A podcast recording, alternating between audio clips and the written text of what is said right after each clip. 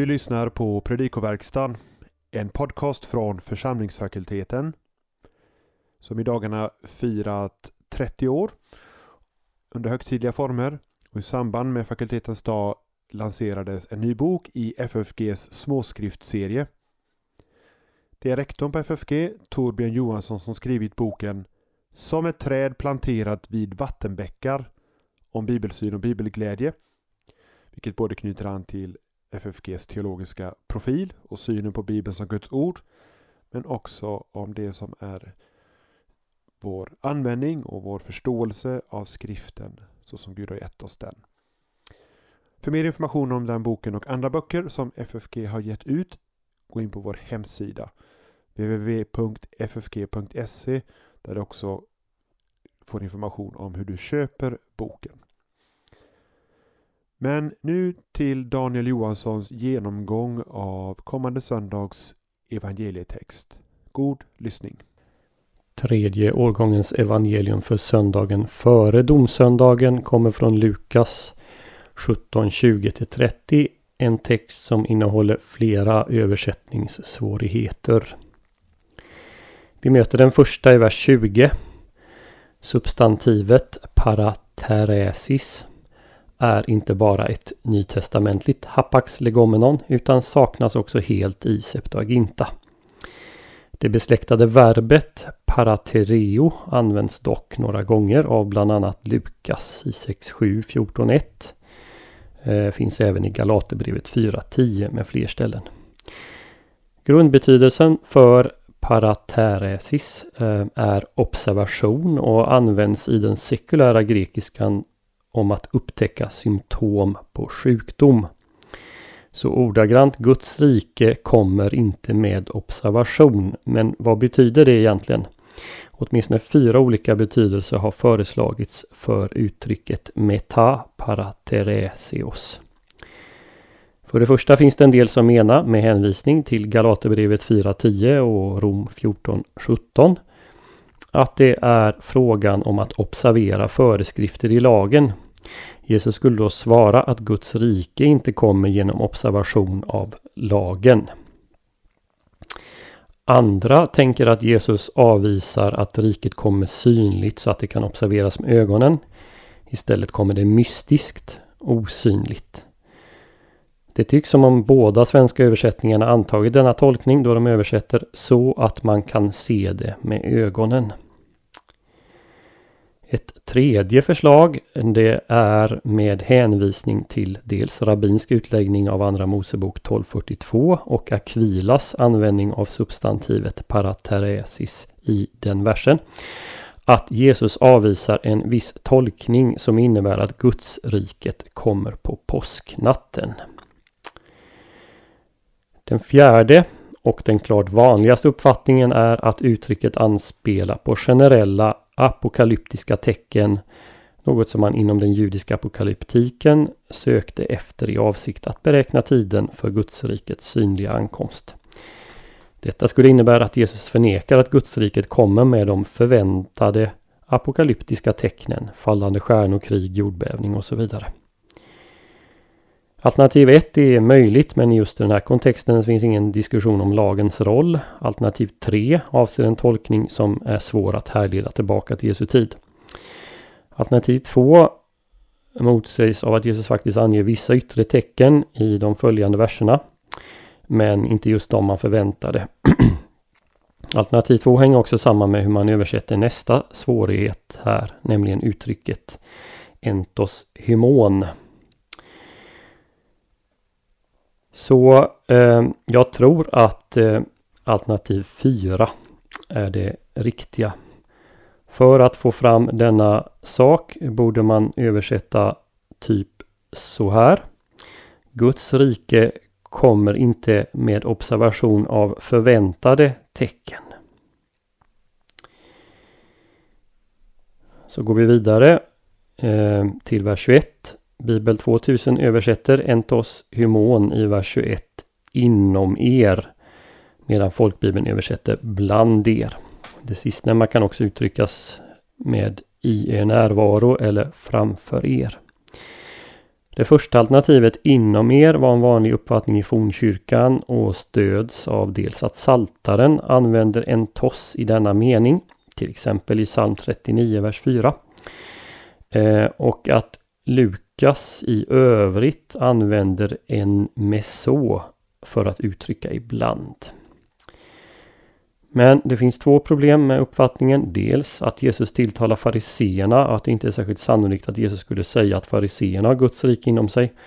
Och dels att varken Lukas eller övriga NT talar om Guds riket som en inre andlig realitet. Nya testamentet talar om att folk går in i Guds rike, inte att Guds rike går in i folk, för att citera Marshall.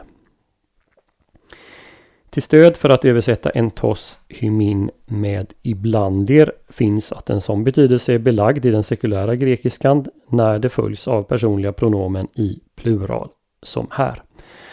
Att det används som en synonym till en meso framgår av bland annat Andra Mosebok 17.7 och 34.9 där de judiska översättarna Theodotion och Symmachus väljer den senare översättningen eh, Medan den mer ordagranna översättaren Aquila eh, här använder just entos. Och så en tredje svårighet i vers 20-21. En del tar användningen av erchetai kommer eh, i vers 20 i futuristisk betydelse. Fastän det står i presens. Grammatiskt är det här helt möjligt. Men som en följd av detta tar man också estin i vers 21 i framtida betydelse. Medan det är ganska vanligt att presensformen av erchotai har framtidsbetydelse är det mer ovanligt att estin har det. Så Lukas borde ha använt futurum av estin för att markera den saken om han ville det. Istället tror jag här att det finns en viss tvetydighet som är medveten fram till det sista ordet i vers 21 estin, där själva poängen i Jesu svar drivs in. Guds rike är närvarande redan nu. Därför mm, kan man inte säga i futurum eh, i framtiden se här eller där. Erosin är futurum. Eh, de svenska översättningarna här eh, med här är det och där är det är för övrigt lite överflödiga. En mer ordagrann översättning fungerar utmärkt på svenska. Se här eller där. Vi går vidare till vers 23 där det står Kai erosin hymin. Verbet står i tredje person pluralis men kan här med fördel översättas man kommer att säga. I samma vers är med apelthete med det dioxete ett exempel på en varken eller konstruktion. Gå varken dit eller följ efter. De här verben står för övrigt i konjunktiv och är ett exempel på så kallad prohibitiv konjunktiv. Vers 24. Satsen ek tes hypoton oranon eis ten hyp oranon. Från under himlen till under himlen. Behöver supplementeras med ett substantiv i femininum. Kanske chora som betyder region eller ge som betyder jordland eller meros del. Det här behöver äh, läggas till i båda leden och då får vi en översättning som blir så här. Så som blixten när den blixtrar lyser från en del under himlen till en underförstått annan del under himmelen Så ska Människosonen vara på sin dag. Poängen är att blixten täcker hela himlen och ses av alla. I både vers 27 och 28 noterar verben estion, epinon och så vidare, åt och drack. Alla de här står imperfekt, vilket uttrycker ett pågående. I verserna 27 29 och 30 dyker ett speciellt grammatiskt fenomen upp. Här får vi tre exempel på hur ett relativpronomen står före det ord som det normalt sett skulle syfta tillbaka på. Akri hes hemeras. He de hemera respektive he hemera. På engelska kallar man detta fenomen för internally headed relative clause. Man tror att den här typen av konstruktion används för att intensifiera det som sägs. Så i vers 27 borde vi översätta ända till just den dag då Noa gick in. Alltså i alla tre fallen så pekas en särskilt, särskild dag ut. En dag som betonas genom den här konstruktionen med relativpronomenet före substantivet det syftar på. Vår textläsning består av två delar. I vers 20 och 21 adresseras fariseerna. I vers 22 och framåt adresseras lärjungarna. Det andra avsnittet avbryts dock av någon anledning mitt i, i vers 30 i vår evangelieläsning. Hela avsnittet fortsätter faktiskt fram till och med vers 37. Texten följer omedelbart på att Jesus helat tio spetälska och följs sedan av liknelsen om domaren och änkan och frågan om uthållig bön. Vår texts två delar skulle kunna sammanfattas i orden redan nu men ännu inte. Notera först att det är fariseerna som frågar. Det innebär att frågan rör både det här livet och det kommande. För sadduceerna var den senare frågan ju inte aktuell. Man bör också lägga märke till att just fariseerna har hållit Jesus under observation. Det med parateresis besläktade verbet används som deras observation av Jesus i 6, 7 och 14.1. Men trots det har de inte sett för på fariseernas fråga kommer Jesus med det överraskande svaret. Och kom nu ihåg hur han håller på Estin till alldeles i slutet på vers 21. Det överraskande svaret att Guds rike redan har kommit, redan är närvarande. De behöver inte söka efter Guds rike, för den som för med sig Guds rike står precis rakt framför dem. Vägen in i riket går genom honom. De behöver lära sig av den samaritanske spetälske som precis givit rätt respons på Jesu helande. Han kom till Jesus och tackade Gud. Gudsriket är alltså närvarande i Jesus och så är det alltjämt genom Guds ord och sakrament. Men det finns också ett ännu inte. Människosonen kommer att komma tillbaka i härlighet och manifestera Gudsriket så att det syns för alla. Människosonens dag i vers 24 och i vers 30 tog det anspela på det gammaltestamentliga konceptet Herrens dag, ett koncept som i Nya Testamentet blev Herren Jesu dag. Men det kommer att gå en längre tid mellan den första närvaron och återkomsten. Det är något som Jesus understryker. Lärjungarna kommer att längta efter en av Människosonens dagar. Varför dagar i pluralis kan man fråga sig. Ja, en del ser här en parallell till det rabbinska uttrycket Messias dagar, vilket avser den messianska tiden. Andra tänker att det avser perioden närmast innan Människosonens återkomst. Andra åter att det avser Jesu jordeliv, en längtan tillbaka.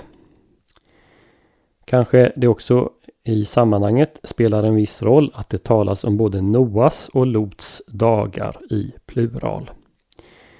Min spontana läsning innan jag konsulterade kommentarer det var att det avser Jesu jordeliv.